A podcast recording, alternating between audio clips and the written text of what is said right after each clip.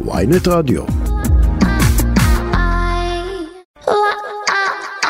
עכשיו בוויינט רדיו, לירן לוי, הפליליסט.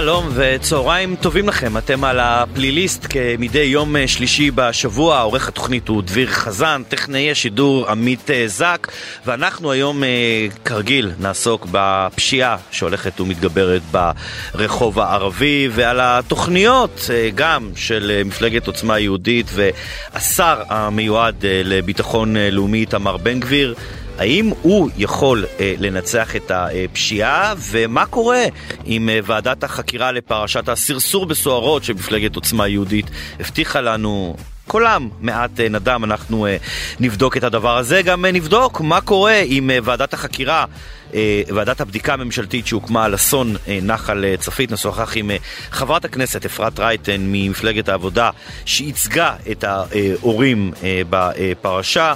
נדבר גם עם עורך הדין רפאל טירם, חוקר משטרה לשעבר, שחקר את פרשת רצח מלה מלבסקי, רצח שזעזע את ישראל, נדבר עליו בהרחבה, וכמובן משטרת, הפינה הקבועה שלנו, משטרת אה, לואי דה פינס עם עורך הדין אה, פיני פישלר, אבל זה בהמשך התוכנית, אנחנו אה, פותחים היום עם תת-אלוף במילואים אביגדור קהלני, לשעבר השר לביטחון הפנים, שלום לך. שלום אלירן, שלום שלום. מה שלומך אדוני? הכי טוב בעולם, שמש זורחת, שיטה פורחת, והשוחט שוחט. אתה גם uh, עברת איזשהו uh, אירוע רפואי, היה לך, אמרו חיידק טורף, נכון? כן, כן, נכנס חיידק טורף, ניסה לשלוח אותי לשמיים, והגעתי לשם, אמרתי לאלוהים ש... עוד לא הגיע שעתי והוא החליט להחזיר אותי. לא, עדיין לא, אנחנו צריכים אותך פה. אני קודם כל, אני, אני קודם כל חייב להגיד, אני אה, בטוויטר רץ, ב, רצה ביממה, רץ ביממה האחרונה סרטון שלך, רואים אותך עומד, אם אני לא טועה, ברמת הגולן או איפשהו שם בצפון, כן, כן, כן, גשם זלעפות, ואתה עומד שם ומרצה לח, לחיילים עם הרבה אהבה, תשוקה. במקום לשבת בבית ככה, אתה יודע, בימים האלה מתחת לפוך, לא, לא אצלי. אני uh, בן 78 וחצי, אני מרגיש פנתר. אני כל יום שוחה 30 ברכות אולימפיות, אני שומר על עצמי, אני כותב, אני מרצה, אני... אתה מתגעגע uh, לפוליטיקה? Uh, היא מעניינת אותי, בוא נאמר ככה, אני לא מתגעגע כי אני לא מוכן לחיות בדפוסי התנהגות שחיים שם. אבל היא מעניינת אותי, מסקרנת אותי לראות uh, מי נגד מי ומי מתחזק ומי לא ולמה, mm-hmm. אבל בעיקרון, אם תשאל אותי אם אני רוצה עכשיו להיכנס פנימה או... לא היית מחיה את הדרך השלישית, את אותה מפלגה, מפלגת המרכז, לא, לא, לא היית לא, עושה את זה. הייתה מפלגה מתוקה, טובה וערכית מאוד. אבל מסתבר שהציבור אוהב להחליף גרביים, אתה יודע, זה החליף אותנו. כן, אה, מצבי רוח. ובאמת, אני, אני רוצה, רוצה לשאול אותך, כשאתה אה, מסתכל, וגם כמי שהיה שר לביטחון פנים ומכיר היטב את המערכת, מה אתה חושב על מה שקורה? תראה, מה שאני קורא בממשלה זה, לדעתי, אף אחד לא יכול להיות מאושר מזה, זה פשוט קראו את המשרדים. לגזרים שיביאו למלחמת עולם בתוך המשרדים, יביאו למלחמת עולם בין המשרדים. הלוא אין עבודת מטה בממשלה. Mm. יש כל שר, אם הוא רוצה להיפגש עם שר אחר, הם עושים פגישה, אם העוזרים מצליחים לתאם. אין מישהו שמאגד שלושה שרים ויוצאים מזה מהחלטה ביחד. לכן יהיה, מצב פה של איזשהו כאוס אה, שייווצר גם במשרד החינוך וגם במשרד הביטחון. ואם רגע ננסה, כן, ואם רגע בכל זאת ננסה להתמקד במשרד לביטחון הפנים ובס... או, עכשיו משנים את השם, המשרד לביטחון לאומי ואת השר המיועד איתמר בן גביר. קודם כל בוא, אני רוצה לשאול אותך, אתה, כשאתה היית שר לביטחון פנים באותה תקופה, שנת 96, אה, המצב ברחובות לא היה כזה, אז היית תחת ממשלת נתניהו הראשונה, זה לא היה המצב. אתה רואה מה קורה ברחובות, קודם כל בוא נשאל אותך, אתה חושב שהמשטרה איבדה שליטה על מה שקורה? תראה, אה, אני לא רוצה לדבר על בן גביר עצמו, כי אני לא, אני לא רוצה להיכנס לדמות שהולכת עם האקדח ברחוב ושובר את סמל של רבין. אני לא רוצה לדבר, אני רוצה לדבר על, ה, על המשרד שנקרא ביטחון פנים. Mm-hmm. והמשרד לביטחון פנים, אם אני מסתכל על זה ממעוף הציפור, מבלי להיכנס לפוליטיקה עצמה ולנבחרי הפוליטיקה, mm-hmm. משרד לביטחון פנים צריך יותר כוח, נקודה. אז אתה מסכים עם בן גביר שצריך? כן, כן, כן, אני ראיתי גם את הדרישות שלו, הן לא מוגזמות, הן לא מוגזמות.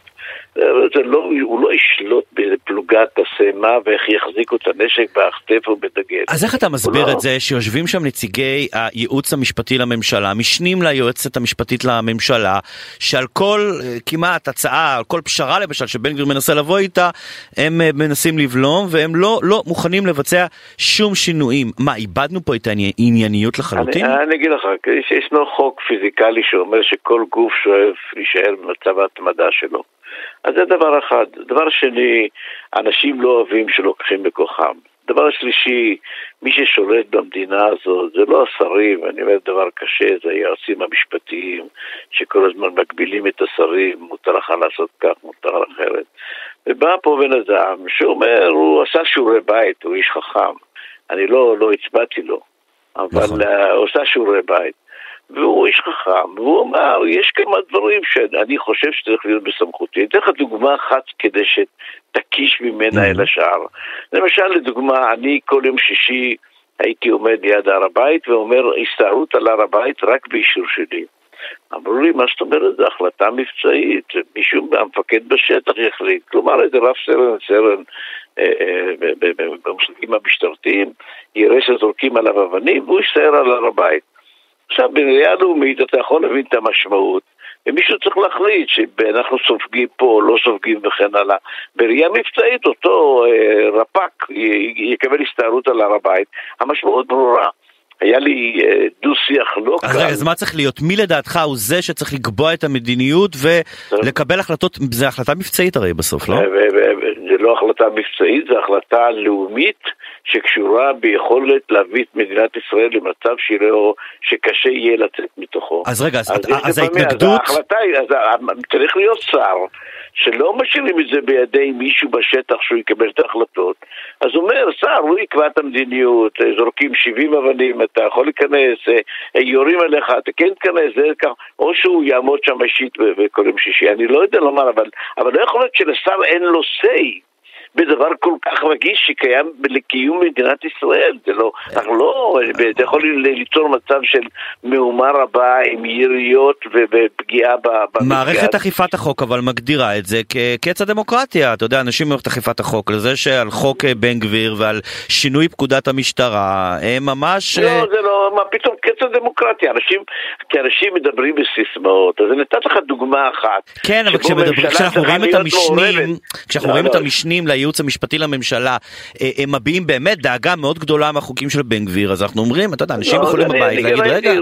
ראיתי את מרבית הדברים, אני... אה, אה, כשרציתי להעביר את כל המג"ב לקו התפר, והם הסתובבו פה בתל אביב, בכל מיני מקומות. אמר לי המפכ"ל, אתה לא רשאי, כי זה החלטה מבצעית. סליחה, אמרתי לו, מה אומרת החלטה זה? האם שר לא יכול להחליט שאת כל המג"ב שבנו אותו למשימות של קו התפר, הוא לא יכול להעביר את זה לקו התפר וזו החלטה של מפכ"ל? אז אני אמרתי חד משמעית לבצע ואם לא, תשים מכתב על השולחן שלי. אז אה, אני לא משחק בדברים האלה, אבל אני כאילו אז לקחתי... אז רגע, אז מה אתה אומר שבסוף הצלחת להפעיל סמכות על המשטרה גם בלי שינוי? אני הפעלתי, אבל הפעלתי, הפעלתי סמכות, כי אולי יש לי את היכולת אה, המקצועית, אני באתי מהצבא, אני באתי, הייתי גנרל, פיקדתי על הרבה... תזכיר לי מי המפכ"ל בתקופתך? לא רוצה, זה לא חשוב. זה לא חשוב, זה לא חשוב. כן. אני מיניתי מפכ"ל אחר אחרי זה, לא משנה. אבל לא, לא זו הנקודה, הנקודה היא שפתאום אומרים לך, תשמע, אתה לא רשאי לקבל כזו החלטה. סליחה, מה, מה אנחנו, אדם בא להיות עציץ בממשלה? הוא שר. ושר צריך להכתיב מדיניות, ומדיניות צריכה להיות בהתאם לרוח הממשלה, ואם זה לא יותר, זה יחזור לממשלה, לקבינט, וידונו בדבר אז, הזה. אז, אז, אז אתה, אתה בעצם, בנושא הספציפי, אה, באופן ענייני, אני, ענייני אני כמובן אומר, בנושא של אה, חוק בן גביר, מה שהוא מבקש לשנות בפקודת המשטרה, אתה כשר ביטחון פנים לשעבר תומך וחושב שזה נכון. אני לא מתעסק באיש בן גביר, אבל אני מתעסק בנושא של סמכויות. אם עכשיו הוא יחליט... גם על חקירות? להוריד, לא, חקירות ברור שלא. לא. אני, אם הוא יחליט כרגע שהוא רוצה לעשות מרכוז מאמץ לנגב, mm-hmm. והוא רוצה להוריד לשם שתי חטיבות של מג"ב, אז המפכ"ל יכול להגיד לו, לא, אני, לא, זו החלטה מבצעית שלי. אבל הוא רוצה, הוא... עכשיו תשים לב עוד דבר שמאוד מאוד חשוב, תשים לב כל שרי ביטחון פנים, כמה אש הם חטפו, כל, כבר 30 שנה, כמה אש הם חוטפים, עליהם אותם מאשימים בתאונות דרכים, אותם מאשימים בקיום הכנופיות, אותם מאשימים שאין אה, שמירה על כבוד המשפחה, אותם מאשימים באלף ואחת דברים. עכשיו, השאלה היא, מה הוא עושה כשהוא מקבל את כל האש הזו? יש לו פתרונות, או שהוא מבקש מהמפכ"ל, תעשה לי טובה? אה, אנחנו נצטרך אה, לראות את זה כמובן. שאלה אה, אחרונה אחרונה אנחנו כאמור רואים שבמערכת אכיפת החוק מצופפים אה, שורות אה, לא מעט זה במשרד המשפטים ובפרקליטות ואני לא סתם שואל אתה טעמת היטב את טעמה של פרקליטות המדינה שמחליטה אני לא רוצה להשתמש במילה לתפור תיקים אבל מה שנקרא מחליטה ללכת עד הסוף עם מישהו ובמקרה שלך בית משפט שם להם מראה כמה פעמים וזיכה אותך לחלוטין מכל החשדות למרות שהפרקליטות ניסתה להדביק לך לא פעם ולא פעמיים תיק פלילי.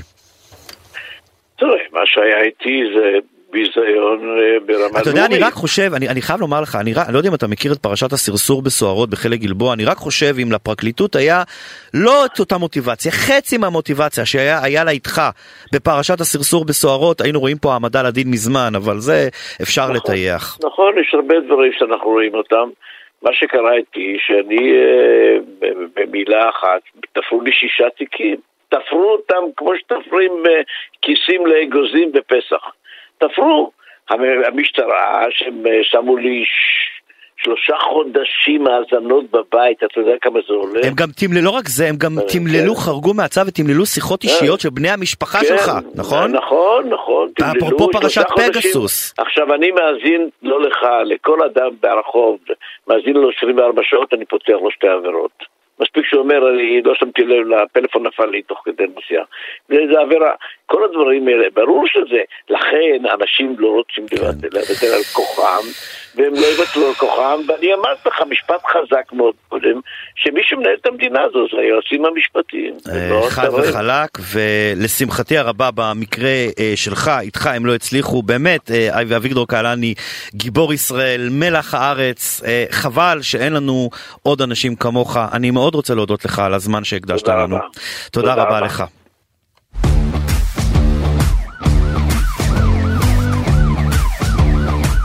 לירן לוי הפליליסט הפשיעה ברחוב הערבי נמשכת, לא רק נמשכת, נמשכת ואולי אפילו אה, מתגברת למרות אה, הרבה מאוד אה, פעולות צריך לומר שמשטרת אה, ישראל אה, מבצעת אבל אה, אם עבר כאן יום אחד ללא רצח אז אה, יכול מאוד להיות שביום שלאחר מכן אנחנו נראה רצח כפול זה כמו מניה זה בדרך כלל אה, מתקן את עצמו ואנחנו אה, רוצים לדבר על אה, מה שקורה ברחוב הערבי עם תת ניצב יגאל עזרא שלום לך. צהריים טובים. צהריים טובים, סגן ראש אגף סייף במשטרה, אותו אגף, אה, צריך לומר, שהקים השר לביטחון פנים לשעבר לשעבר, אה, או שעבר כבר אפשר להגיד, אמיר אוחנה, אמ, ומנסה, מה שנקרא, אה, להשתלט ולהילחם על הפשיעה ברחוב הערבי. תראה, יש לי כאן את כל הנתונים אה, על אה, מספר כתבי האישום שהוגשו, ומקרי השוד, ומקרי אלימות, וכמה תיקים נפתחו, וכמה כתבי אישום הוגשו. ויש כאן מספרים באמת מרשימים, אבל תרשה לי רגע לשים את זה בצד, ולדבר על המציאות היומיומית. אתם עושים, אתם עושים הרבה בכוח אדם מצומצם שיש לכם, אבל אתם כרגע לא מצליחים.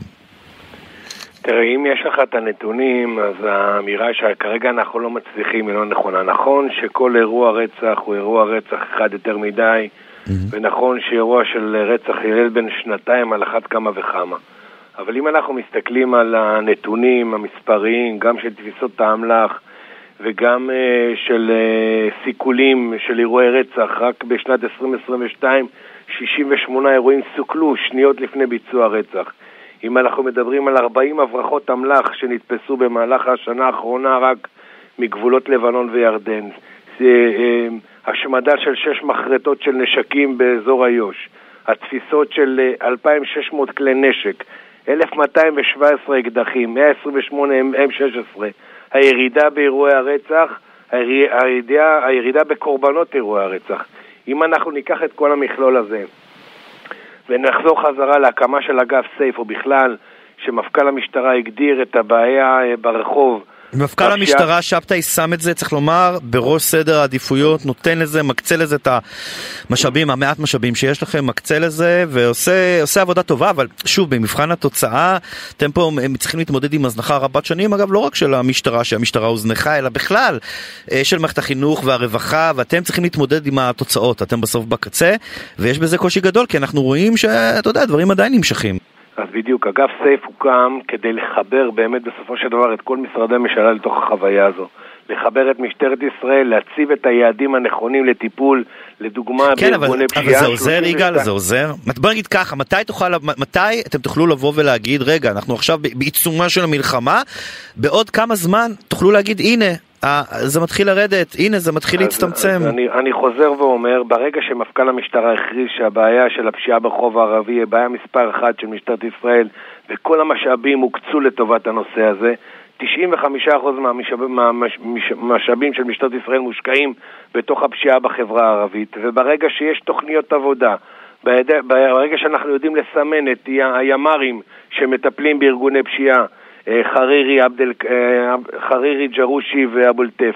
ברגע שאנחנו 32 מהם הצבנו מאחורי סורג ובריח, ברגע שאנחנו ידענו לתפוס את הכמות האדירה הזו של כלי נשק, ברגע שהצלחנו לסכל, ואל תעביר את זה ככה, במה בכך, של 68 אירועים של סיכולי אירועי רצח, ברגע שאנחנו יודעים לבנות תוכניות עבודה משותפות עם הרשות המקומית, עם אה, אימאמים, עם אה, אנשי, אנשי הרוח ואנשי האקדמיה בתוך החברה הערבית יד ביד. ברגע שאנחנו יודעים לרתום את האוכלוסייה מצד אחד, לעבוד בצורה שיטתית עם תוכניות עבודה סדורות כנגד ארגוני פשיעה וכנופיות הפשיעה, והאזרח בנקודת קצה, אנחנו יודעים לחבק אותו, אנחנו יודעים להבין את הבעיות שלו היום, ואנחנו יודעים יד ביד איתו להגיע לנתונים תגיד, האלה. למה... אם אנחנו מסתכלים על הצלחה, סליחה, עוד כן, שנייה. בבקשה. אם אנחנו נמצאים בעלייה בתפיסות האמל"ח של 36% והגשות כתבי אישום, אם אנחנו נמצאים בירידה באירועי הרצח, זה הצלחה, נכון שזה ראשיתה של הצלחה? ירידה קטנה, צריך שעדיין... להגיד, לא משמעותית, עוד רגע זה כבר אה, מתקרב לנתונים של שנה שעברה. לא אני לא יודע אם זה כל כך, אה, אם אנחנו מדברים על 105 אה, קורבנות לעומת 125 קורבנות, אז 20 קורבנות יותר, זה קורבן אחד הוא משמעותי והמון. אז אתה בעצם אומר, אנחנו לא צריכים לעשות שום דבר אחר, אם אנחנו נמשיך ככה, אנחנו בסוף נמגר את הפשיעה. אני ב... אומר שתמיד אנחנו צריכים להשתפר, תמיד אנחנו צריכים להסתכל איפה הפערים שיש לנו, איפה אנחנו יכולים להיות יותר טובים, איפה אנחנו צריכים, יכולים לשפר את אמון הציבור במשטרה, איפה אנחנו יכולים לעשות פעולות משולבות כמו במסלול בטוח.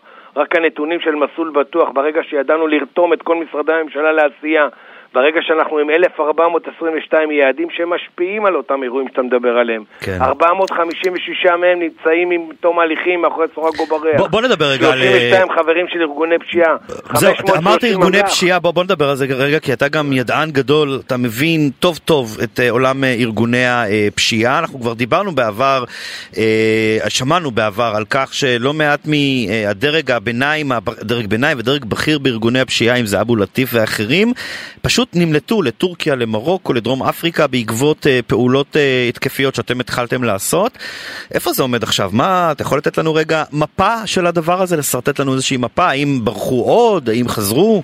אז אני אומר ככה, והתחלתי ואמרתי עוד בעבר, ברגע שארגוני הפשיעה הבינו שימ"ר מרכז, ימ"ר צפון ויחב"ל נמצאים על הזנב שלהם, ברגע שידענו להכניס את אה, חלק מראשי הארגונים האלה מאחורי סורג ובריח, כמובן שאחרים מחפשים פרנסה במקומות אחרים.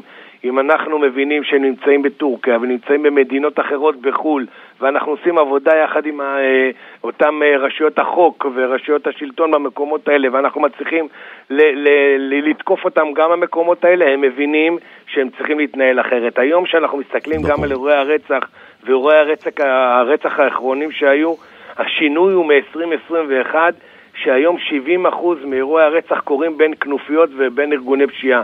כי הם מבינים שיש להם קושי היום לעבוד בצורה כל כך חופשייה כמו שהם עבדו בעבר, והנתח של הפרנסה שלהם נפגע. בעקבות זה, הסכסוכים הפנימיים, ולצערי גם חפים מפשע נפגעים. אנחנו כמובן צריכים לשפר את עצמנו. אנחנו רואים את זה, ומורט טוויזר שילם על אה, כך בחייו. אנחנו עוד אה, נמשיך ונדבר על הדבר הזה, אבל לצערי זמננו תם. אנחנו עוד נהיה איתך כאן בקשר בתוכנית הזאת. תת-ניצב יגאל עזרא, סגן ראש אגף סייף. תודה. תודה, צהריים טובים.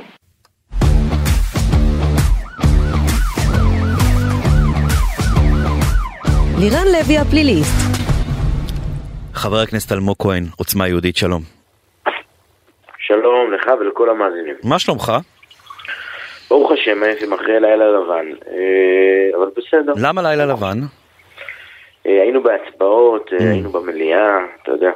טוב, אני פחות כתב פרלמנטרי, אני מודה שאני פחות צופה במליאה, אז הנה, חידשת לי. אבל אני מבין שאנחנו בישורת האחרונה לפני הקמת ממשלה, נכון? אכן, אכן, כן. תגיד, אה, אני אשאל אותך שאלה שהייתי רוצה אולי לשאול את בן גביר, אבל בכל זאת, אתה מהמפלגה, אני אפנה את, את השאלה הזאת אליך.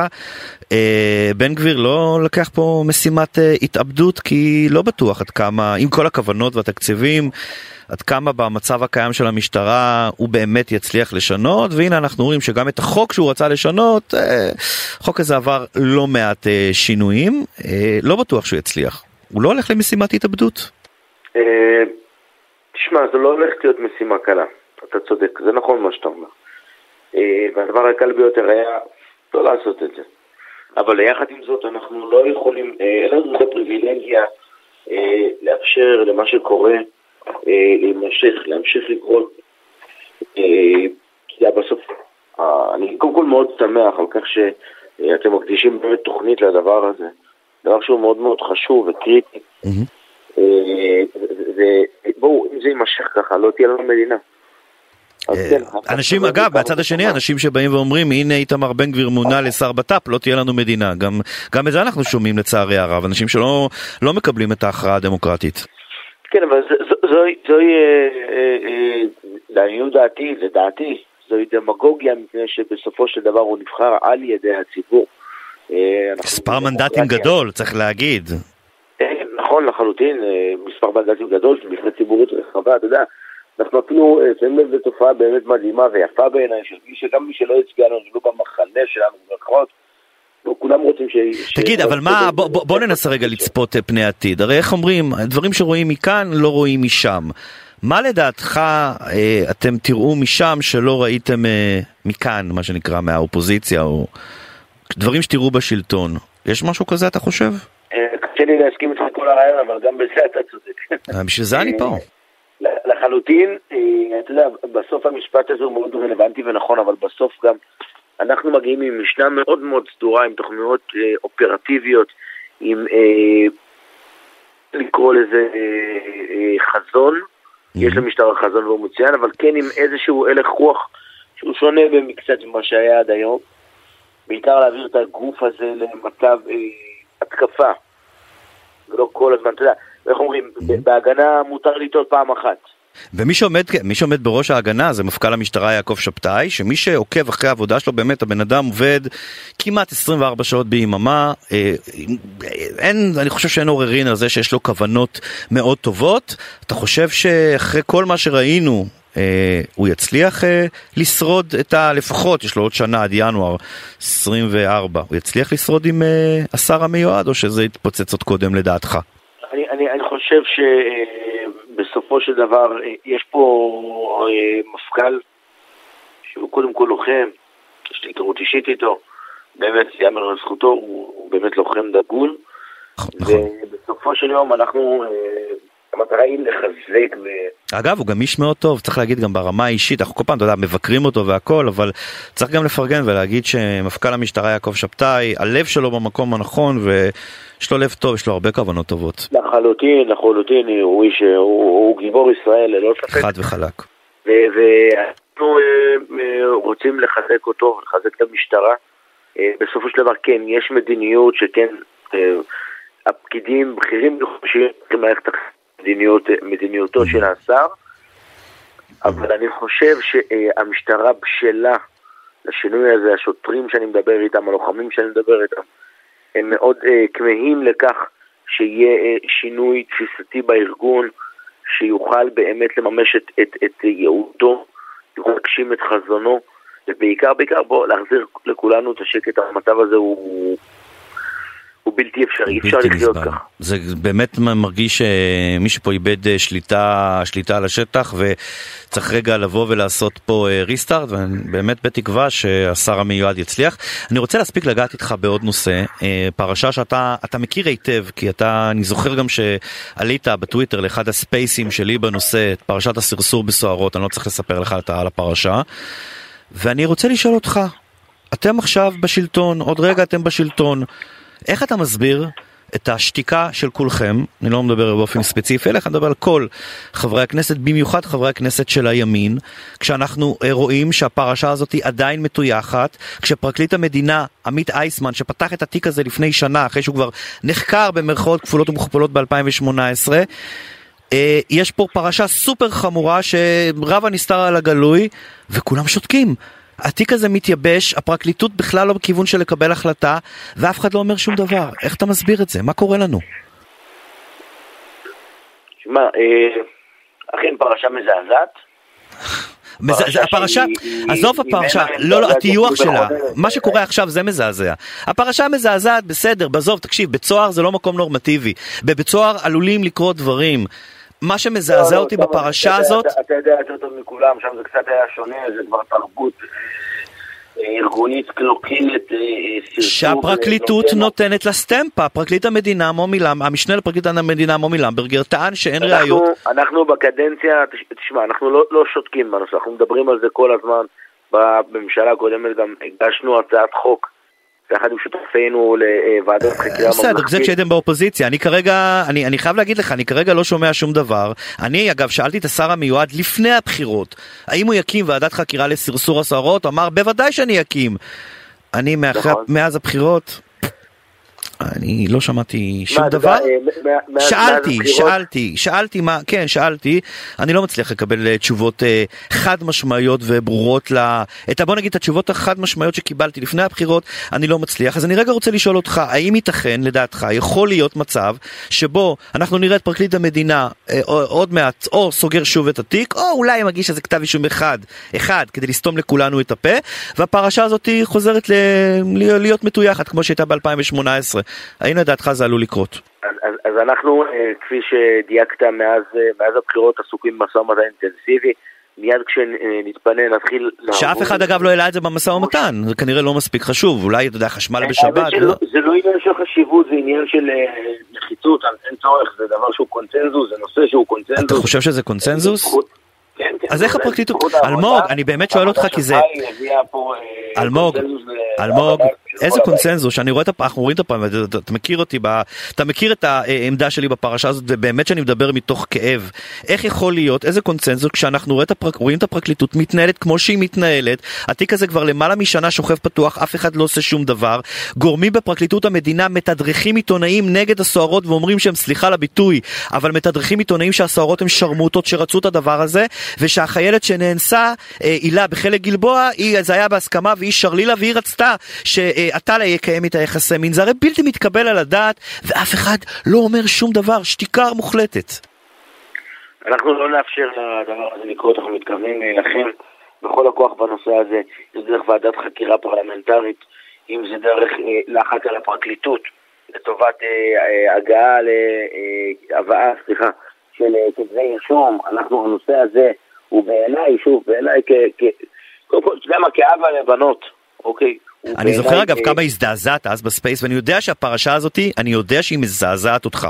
אבל אני חייב לומר, יש פה, זה כאילו, אתה יודע, לא, לא מדבר עליך, מדבר באופן כללי, כאילו הזדעזענו, רמות הזעזוע יורדות, זה עובר, ואנחנו כאילו כציבור, כממשלה, כחברי כנסת, כאילו מקבלים את זה שהפרשה הזאת טויחה ואנחנו לא יודעים את האמת. ואני אומר לך, ואני מבוסס מה שאני אומר לך, שמה שאנחנו יודעים בפרשה זה רק חצי, זה רק קצה הקרחון, זה פרשה סופר דופר חמורה עם היקפים הרבה יותר גדולים ממה שאנחנו חושבים, ואגב, בגלל זה מטייחים אותה. אני מקווה שאתם לא תאפשרו את הדבר הזה.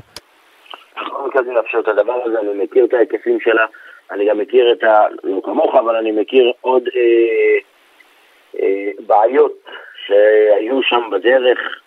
אה, גם ברמה של ארגונים אחרים שעובדים בתוך בתי הכלא. אתה מדבר על שירות הביטחון הכללי? כן. מה, מה אתה יכול להגיד על הדבר הזה, למשל, ממה שאתה יודע? מה, יכול להיות, ואני אומר את זה שוב, זה נושא שהוא באמת נפיץ, כן, אז אני אומר את זה בזהות. יכול להיות שיש, אה, צריך שיהיו גבולות גזרה מאוד ברורים בהפעלה של אה, אה, מקורות, בייחוד בנושא אסירים. יכול להיות ששירות הביטחון הכללי ידע? אני שואל, מה אתה חושב, ידע שמסרסרים בסוהרות? אני רוצה לא להגיב לנושא, אתה, אתה מספיק אה, מבין אותי. אז אני חושב שאנחנו מבינים למה צריך פה ועדת חקירה לא פחות, נכון? הנה, אין פה שאלה, אנחנו, אני אומר את זה בצורה... או שאולי כמדינה אנחנו מעדיפים לא לדעת ולא להתמודד עם האמת. לא, אנחנו כמדינה מחויבים לחקר האמת, מחויבים להסיק מסקנות ולהסיק לקחים. בעיניי, שוב, זה מקרה מכונן בתולדות מדינת ישראל. אתה יכול היום להגיד שמפלגת, אתה יכול רגע, אלמוג, אה, חבר הכנסת כהן, אתה יכול להגיד ולהתחייב שמפלגת עוצמה יהודית תפעל להקמת ועדת חקירה ממלכתית, פרלמנטרית, לא יודע, מה שתחליטו, ממשלתית, נכון. לדבר הזה, אתה יכול להתחייב על הדבר הזה? כן, נכון, בדיוק. אנחנו נקים ועדת... יותר מזה, אני גם, אני גם אומר לך שיהיה לנו אה, תמיכה הרבה יותר רחבה ממה שאתה משער. גם אם אה, אה ראש הממשלה נתניהו יתנגד לדבר הזה? אולי, אולי כי יש קשר לעוד מיני, כל מיני ארגונים שכפופים אליו? יכול להיות? אנחנו, אנחנו לא, אנחנו לא אה, מתכוונים אה, להוריד את זה מסדר היום, אנחנו בעזרת השם נקים את הממשלה, אתה יודע, להקים פה ממשלה זה כבר אה, מגיע לנו... אז אני יכול רגע, אני יכול בתום השידור להתקשר לסוהרות ולהגיד להם חבר'ה, לא חבר'ה אלא, סוהרות יקרות, חיילות יקרות לשעבר, דעו לכם שמפלגת עוצמה יהודית שהיא חלק מהותי בשלטון היום, מתחייבת שתקום ועדת חקירה על הפרשה שלכם, זה יקרה. כן, בוודאי. חבר הכנסת אלמוג אה, כהן, עוצמה יהודית, אני... אה, חשוב שתמשיך לעשות את מה שאתה עושה, באמת חשוב שכל גופי התקשורת יקדישו יותר זמן ושיח לדבר הזה, אה, כי בסוף בוא, גם אנחנו כנבחרי ציבור צריכים שייתנו לנו על הראש, אני אומר את זה בפה מלא ובצורה, אומנם מה שאתה מדבר על זה זה מהות חיי, חושב שזה נשלחתי, וגם אני זקוק לזה, כדי לשמוע את הבעיות ולהביא פתרונות אמיתיים. אה, אני בעיקר מקווה, אני בעיקר בעיקר מקווה שמי שטייח את הפרשה הזאת, כוחות גדולים ב-2018, לא יצליח עכשיו לעשות את זה ב-2000, אנחנו כבר מדברים על 23, ואני מאוד מקווה שראש הממשלה בנימין נתניהו לא יתנגד לדבר הזה, ואגב, נתניהו, כשזה קרה במשמרת שלו ב-2018, עד היום לא שמענו ממנו מילה, מילה. על פרשת הסרסור בסוהרות. אני מאוד מקווה שאין לזה שום קשר לכל מיני ארגונים שכפופים אליו, אה, וכמו שנקרא כפופים למשרד ראש הממשלה, ואני באמת מקווה שאתם תעמדו על הדבר הזה. אני בכל מקרה הולך עכשיו לתכף להתקשר לסוהרות ולהבטיח להן שוועדת חקירה תקום. חבר הכנסת אלמוג כהן, עוצמה יהודית, תודה רבה. מוזמנות להיות איתנו גם בקשר, נשמח אם תעביר להם את שלנו, אעשה את זה. אנחנו לרשותן. אני אעשה את זה. אלמוג כהן, חבר הכנסת עוצמה יהודית, תודה רבה. תודה לכם, תודה.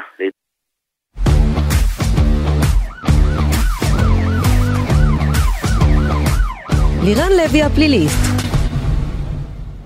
חברת הכנסת, עורכת דין, אפרת רייטן, שלום. שלום, צהריים טובים. צהריים טובים. קודם כל, מה שלומך? אה, שלומי לא כל כך טוב בימים האלה, אה, לא רק בגלל אה, חוסר שעות השינה אחרי לילות של פיליבסטרים, אבל באמת זה לא קל לקום כל בוקר, לפתוח את העיתון ולראות עוד רשימה שחורה של מפלגת נועם הגזענית, באמת הדוחה, שמפרסמת רשימות שחורות של אנשים שחלקם הם פשוט בעלי זהות מגדרית שלא מוצאת חן בעיניהם, חלקם מוגדרים על אדם כשמאלנים, היום ראיתי שהתפרסמה על ידי טובה צימוקי בידיעות אחרונות, רשימה של אנשים שהיו בארגונים אה, כאלה ואחרים, מהמכון הישראלי לדמוקרטיה לתוכנית מעוז, אנשים טובים וראויים שסימנו אותם, ממש מקרטיזם.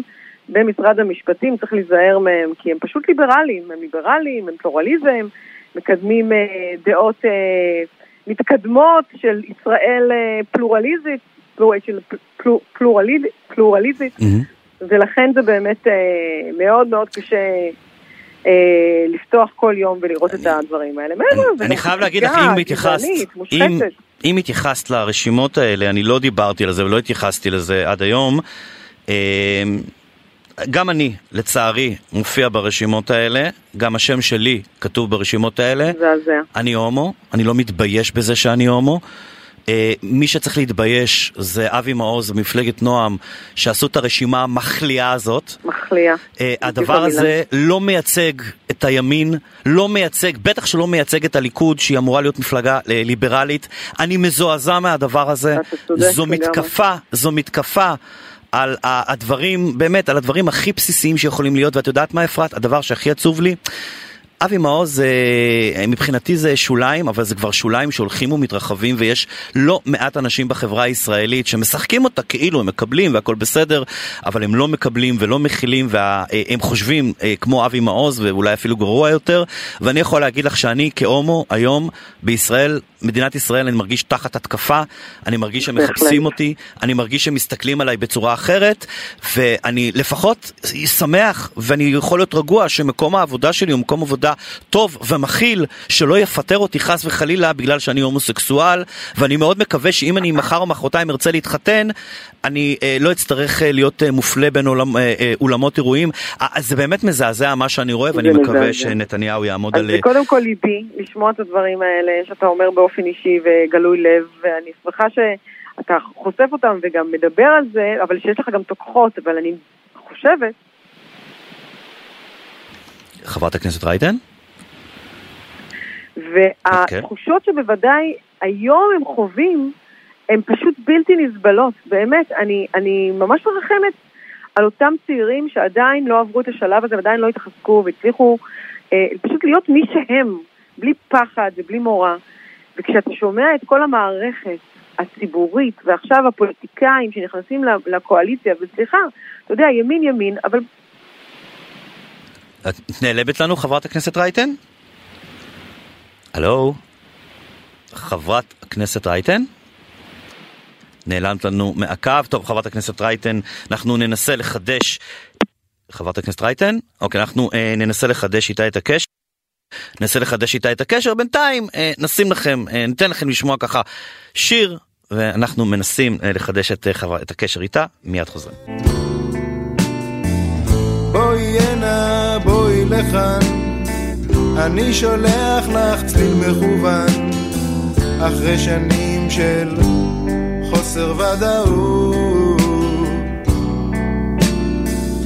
בואי הנה אל המילים, אל הקצב, אל הצלילים. אוקיי, חזרנו לחברת הכנסת רייטן. הנה, אנחנו איתך. תודה לירן. כן. אז אני בהחלט חושבת שזה פשע לשים אדם כמו אבי מעוז עם באמת דעות חשוכות במשרד ראש הממשלה, אחראי על התכנים, עם המפתח עוד עם של מנדט התכנים אחד. הוא לא היה עובר בחיים את אחוז החסימה הרי, לא היה סיכוי. באמת, נתניהו לא צריך אותו עכשיו, יש לו 64 מנדטים, הוא יכול היה גם להסתדר עם 63, והיה פה נכון. statement, הייתה פה הצהרה אם הוא היה נכון. בא ואומר לא בבית ספרי. אבל זה לא נעשה, וגם, אתה יודע, לשמוע אתמול את אה. סטרוק, ולשמוע את רוטמן, מדברים בצורה באמת כאילו קוראים לזה ליברליזם, שהם אומרים בן אדם, זהו, זה- עזבי, אה, עזבי, זה- זה לא- יכול להחליט אם להכניס אה, אליו הומואים, זה לא, זה לא. ליברליות, אז זה לא ליברליות, אבל אני רוצה כן להספיק איתך אה, נושא אחד מרכזי ועוד נושא אחד קטן, אולי אני אתחיל איתך רגע מהקטן לפני המרכזי, כי לצערי אין לנו הרבה זמן. קודם כל, אה, ב, אה, אה, התראיין לפניי חבר הכנסת אלמוג כהן מעוצמה יהודית, שחזר על ההתחייבות שלהם להקים ועדת חקירה לפרשת הסרסור בסוהרות. את תומכת בדבר הזה כיום? תשמע, קודם כל, חבל שהם לא הכניסו את זה עם ככה לעיצומים הקואליציוניים. פשוט מאוד. היו צריכים להכניס את זה, כל כך הרבה סעיפים ותתי סעיפים יש בהסכמים שלהם. למה אם הדבר הזה כל כך בדמם, לא הכניסו שורה אחת בודדת? אני מזכירה לך שבהסכמים שלנו ובהתחייבויות שלנו, ויותר מזה, זה לא רק התחייבויות, זה ממש במעשה, קמה ועדת חקירה ממלכתית לאסון מירון. לאסון מירון. לצוללות, רק, של, רק צריך לומר, לפרשת הסרסור בסוהרות, אה, סגלוביץ' ובר לב עמדו, אה, אמרה את זה חברת הכנסת מיכל רוזין, עמדו על הרגליים האחוריות ולא אפשרו לכם להקים ועדת אה, לאופוזיציה, שכן, סליחה, אתם שהייתם הייתם קואליציה, כן רציתם, חלקכם לפחות, אני יודע שאת כן תמכת באופן עקרוני בדבר הזה, אבל פשוט לא נכון. אפשרו לכם לעשות את נכון. הדבר הזה. אז א', צריך לשים גם, אתה יודע, דברים, היה המון fake news במהלך השנה, ואפילו גם אליי ולחברותיי, אם פרסמו רשימות, אתם כן, אתם התנגדתם. קודם כל, ראשית, בכלל לא הייתי בהצבעה הזו, משום שהייתי בוועדה לבחירת שופטים, זה קרה במקביל, ושמחה רוטמן ואני בדרך כלל ידענו אה, לא להיות, אה, להתקזז אחד מול השני בהצבעות, כן. כי היינו מחויבים לוועדה. אבל מעבר לכך, גם כאשר הלכתי וביררתי, ונדמה לי שאפילו דיברנו על זה אתה ואני. הלכתי וביררתי את זה מול, מול השר, הוא אמר לי, תשמעי, יש כאן עכשיו ועדת חקירה שהיא עובדת, ועדת החקירה הפרלמנטרית לא תעשה כאן טוב לחקירות עצמם. עכשיו, אתה יודע, גם כמשפטנית, אני אומרת לך, באמת, ועדת חקירה פרלמנטרית היא בעיקר רעש והעלאת הנושא לסדר היום הציבורי. אבל אין לה שיניים, זה לא באמת, זה לא... אז ממלכתית, זה לא משנה, בסוף ממלכתית. זה, אה, פרלמנטרית, זה באמת... עכשיו, כשהיינו בתוך ה... ואני לא מצדיקה את זה, אומרת לך, דוגרי, אפילו אתה יודע שאני פניתי אליך ואמרתי לך, אז בעיניי זה כתם. כתם, כתם, שלא אה, דנו בזה בצורה יותר רחבה ויותר ציבורית. אני חושבת שזה פשוט אה, אחד הדברים האיומים שקרו פה במדינת ישראל. וכל אחד ואחת צריכים אה, להיזעק לזה. ברור. אנחנו- סליחה שאני- כן. ובמיוחד, אתה יודע, כאילו, גם אפילו פוליטית, אני רגע שם את זה במקום הציני הזה. הואיל וזה ממילא, הרי כאילו לא קרה תחת המשמרת כן. שלנו, אז לא הייתה לכאורה סיבה הגיונית ולמראית עין למה כן. אנחנו לא צריכים להקים ועדה. וצר לי, צר לי מאוד. יש סיבה, מאוד יש שזה- סיבה הגיונית, אבל אני לא אגיד אותה בשידור, זה אולי בשיחה בארבע עיניים. אה, כן. בוא, בקצרה, אני רוצה כן, ממש בקצרה להספיק איתך. אה, אסון נחל צפית, את ייצגת את המשפחות, את ייצגת את ההורים בעבר, לפני שהיית אה, חברת כנסת, מכירה טוב את הסיפור הזה. אני רק שאלה, רק שאלה אחת. איך יכול להיות שאנחנו כל כך הרבה זמן מאז, וועדת הבדיקה הממשלתית עוד לא מסיים את העבודה שלה? אז אה, קודם כל אני שמחה שקמה ועדת אה, בדיקה ממשלתית אחרי מאמץ של ההורים ושלי, שלקח שלוש שנים ויותר כדי שתקום ועדת אה, בדיקה שכזו, והיו לה הרבה מאוד סמכויות ללכת ולבדוק. תראה, מצד אחד אני מצרה על כך שהיא לא מסיימת את העבודה. לטעמי כבר עובדת הרבה יותר מדי זמן, צריך כבר לצאת דוח סופי. כי אין לי ספק, אם לא ישימו שם גבול, אפשר הרי להמשיך ללכת ולבדוק ולהפוך עוד אבן על אבן ולא יהיה לזה השאלה עוד. כמה זמן זה ייקח. תראה, אני לא יודעת, צריך להפנות שאילתה אל הוועדה עצמה, אל ההרכב, אל אה, ראש הוועדה, אל השופטת, ולשאול אותה מתי היא באמת אה, מתכוונת לסיים את העבודה, את העבודה של ההרכב, אבל אין לי ספק, ראיתי שכבר הם הוציאו דוח ביניים, ראיתי שכבר היו לפני זה עוד דוחות. יש מה לעשות, וצריך מיד להתחיל ולתקן, משום שבסוף מדובר פה בצעירים ערכיים שהולכים להתנדב במכינות קדם צבאיות. כל חטאם... לא, גם חיי אדם בסוף, היה- ילדים שאיבדו את החיים שלהם. שמע, זה הרי היה, מזעזע. עד היום הטרגיות של המקרה הזה היא לא עוזבת אותי. תשע נערות ונער שהלכו לטיול גיבוש ומתו מוות נורא בשיטפון בנחל צופית בגלל יוהרה, פשוט יוהרה. יוהרה היא אם כל חטא. והמדריכים שלקחו את ההחלטה הזאת, זו החלטה נוראית שעלתה בחייהם של עשרה ילדים ופצעה נפשית, כן. כמובן את המשפחות שלהם ואת אותם אחרים שניצלו. ולקחו פה, זה כן. ובאמת, ואולי גם בעתיד אה, נתפנה אחרי שנקבל את המסקנות לבדוק למה נפתלי בנט כל כך התנגד לוועדה הזאת אה, בהתחלה. מסכימה איתך. אה, חברת הכנסת עורכת הדין אפרת רייטן, אנחנו נמשיך לדבר איתך כי הנושא הזה הוא פשוט חשוב ואנחנו נעסוק בו בכל תוכנית. אני לא רוצה שהנושא הזה ירד מסדר היום עד שלא יהיה צריך למשפחות. תודה רבה לך חברת הכנסת רייטן.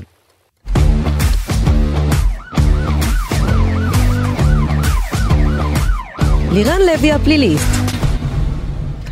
רצח של אה, מלה מלבסקי באמצע שנות ה-80 הסעיר מדינה שלמה. מה שהיה נראה בהתחלה כמו גופה של אישה בחוף תל ברוך, אולי יצאנית, הפך, הפך, הפך אחר כך אה, למה שנקרא לחקירת אה, רצח שהעסיקה אה, מדינה שלמה ואת אה, חוגי הרכילות אחרי שעלה שאביב אגרנות וחווה יערי שהייתה נשואה אז בזמנו לפרשן לענייני ערבים, אהוד יערי, מה שעשה ככה הפך לשיחת ריחול בכל סלון ולחקירה סבוכה מאוד של המשטרה אז ואנחנו רוצים לדבר עם עורך הדין רפאל טירם, עורך דין פלילי, דוקטור למינהל עסקים, הוא קצין משטרה לשעבר שהיה אחד מחוקרי הפרשה הזאת.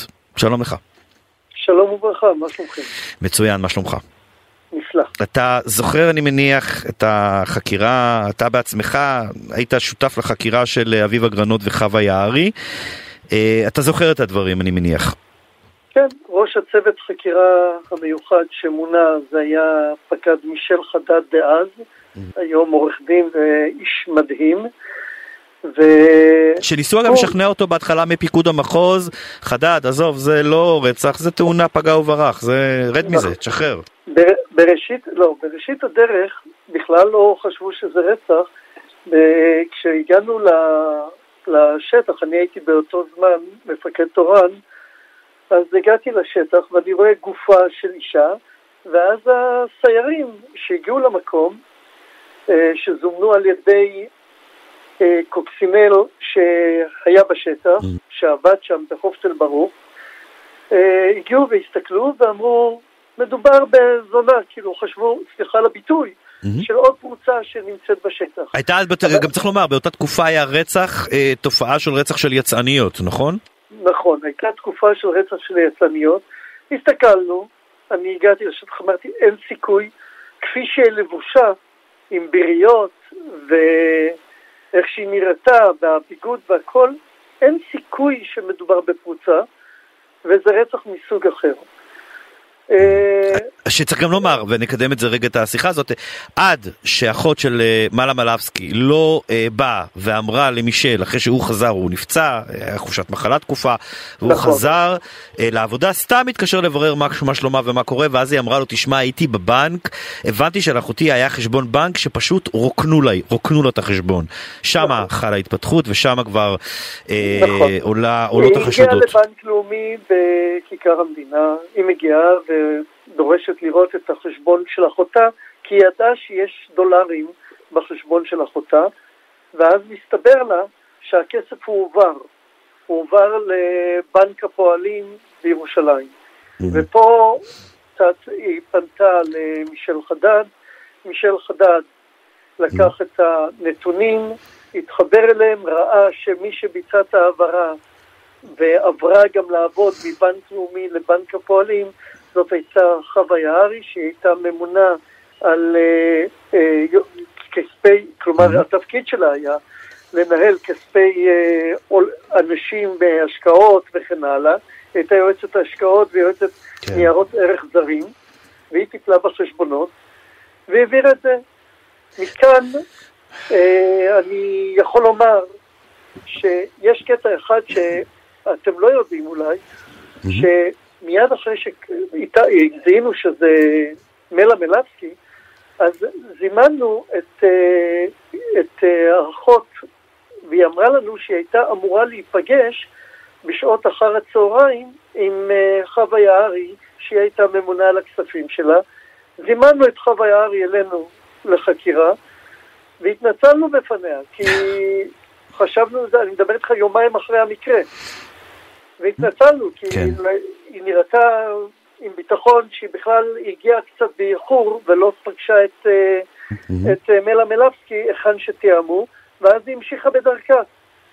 ואז mm-hmm. התברר לה שהגברת אה, מאיתנו, שהגברת נרצחה, ומכאן המשכנו, ואנחנו במשך תשעה חודשים לא ידענו בכלל שזה מדובר במקרה רצח mm-hmm. על ידי אנשים מהסוג הזה, אלא תאונת פגע וברח, או, או מקרה מזעזע כן. אחר, אבל לא מהכיוון של סחיטה נכון, וכסף. עכשיו, חלק מה, מה, מה... אולי מה שלא פתור, לא אולי, מה שלא פתור עד היום בפרשה הזו, וגם בית משפט לא הצליח לתת על זה את התשובה באופן אה, ברור, מי באמת, אה, מי מהן רצחה באופן אקטיבי ממש את אה, מלה מלבסקי, את מלה מלבסקי, זכרה לברכה.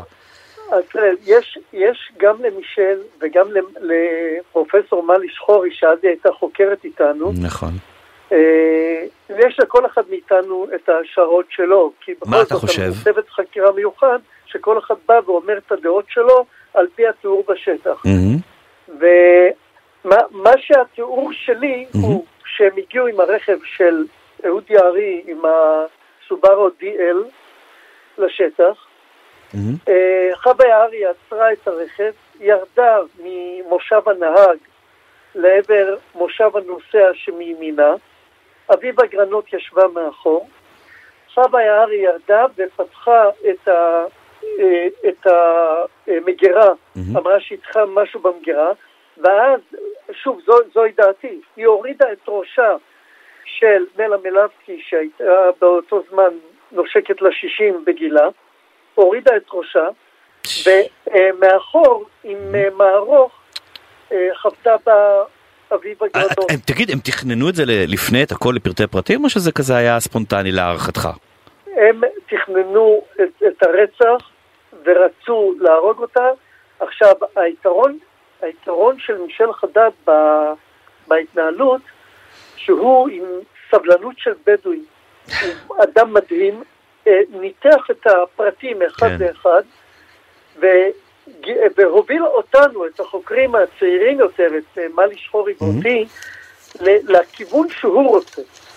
ובסוף הוא עלה על זה שהם הוציאו את הכסף והשתמשו בו, והיה לו איזה חשד שחווה יערי רימתה את אביב אגרנות ב- ב- בהתנהלות הכספית, כן. וב- ובסוף התברר שמה-52 אלף דולר שהיו בחשבון בערך, חווה יערי לקחה את הרוב ונתנה ואמרה לאביב אגרנות שהיא נותנת לה 50 אחוז, אבל נתנה לה רק 5,000 דולר. הגונב מגנב פטור מה שנקרא, אה.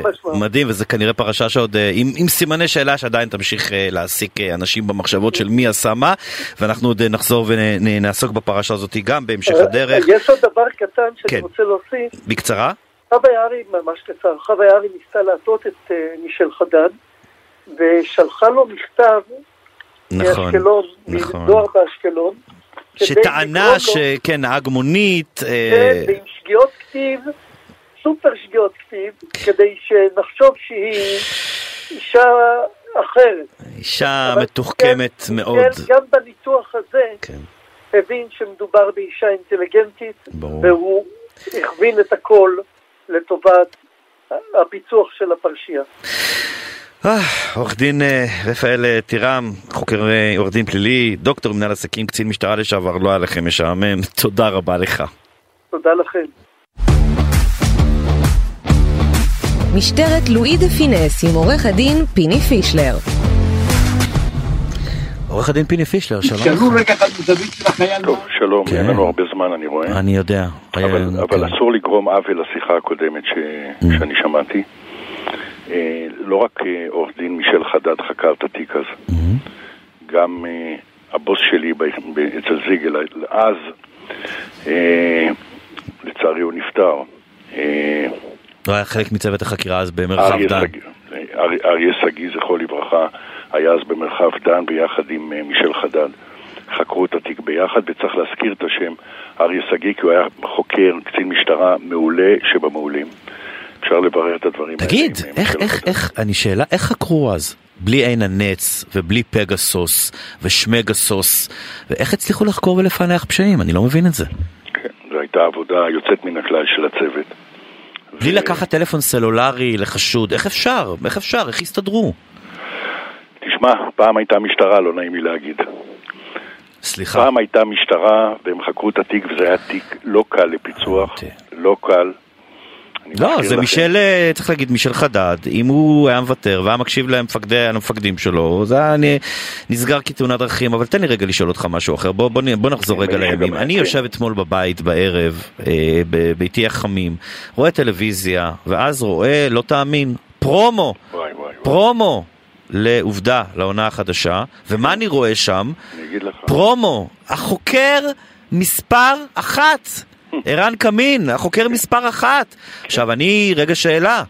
אני חשבתי שהחוקר מספר אחת זה השועל, רב אה, אה, ניצב לשעבר, אלשיך, זה שקרא כל אלשיך. מילה. אז כן. מי, מי החוקר מספר אחת? כך, כך. הציגו, כך אילנה דיין הציגה אותו אז, החוקר מספר אחת, רוני אלשיך השועל, ועכשיו הלב. אנחנו רואים את ערן קמין, תת ניצב, גם הוא החוקר. מספר אחת. פתאום הפך להיות החוקר מספר אחת, אני מזכיר לכם, הוא היה ראש יח"א. בעונה הבאה היא ת- נעשה, היא תראיין את, אה, אה, את, איך קוראים לו, את תת ניצב כורש ברנוש, אולי מי יודע, עד אז יפרוש מהמשטרה. ואני כתבתי ציוץ היום ככה עוקצני, אז אה, ראש אגף החקירות והמודיעין, מהו החוקר מספר 1 א', או א' קטן? או א' רבתי, החוקר, ראש האח"ם אז, מני יצחקי, אה, אגב, מה תפקידו של ריטמן? הוא לא החוקר מספר אחת שהוא היה ראש להב 433?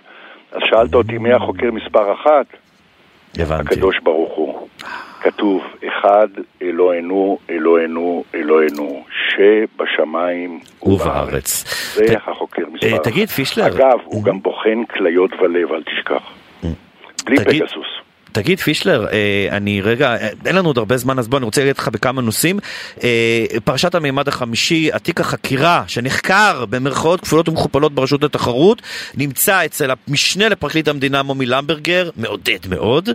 עוד כמה זמן אנחנו ככה אני נחכה? יודע, אני יודע שהוא נמצא בפרקליטות מחוז ירושלים. Mm-hmm. אה, זה עבר לירושלים עכשיו, למה ירושלים?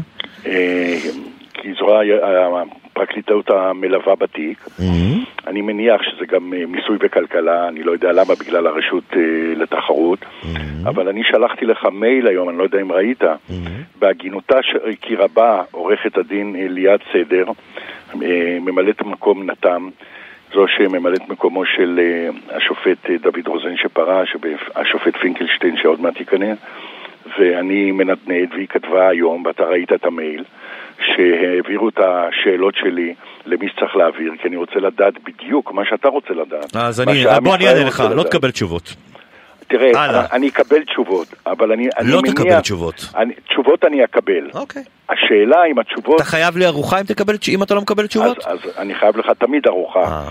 אבל אני אומר לך כך, התשובות תתקבלנה. Mm-hmm. השאלה אם דעתי תנוח או לא 아, אה, תנוח. אוקיי. זו השאלה. כי אני רוצה לדעת מי נחקר ומי לא נחקר, והאם באזהרה ולא באזהרה, ואני רוצה לדעת מה קורה עם השימוע הראשון, קיבלו מכתב שימוע ראשון, מה קורה עם מכתב, אה, אה, סליחה, יידוע ראשון, ומה קורה עם המכתב היידוע השני, ואם בכלל יוגש כתב אישום, יש המון שאלות, והשאלה, הקניין הרוחני, מה קורה איתו.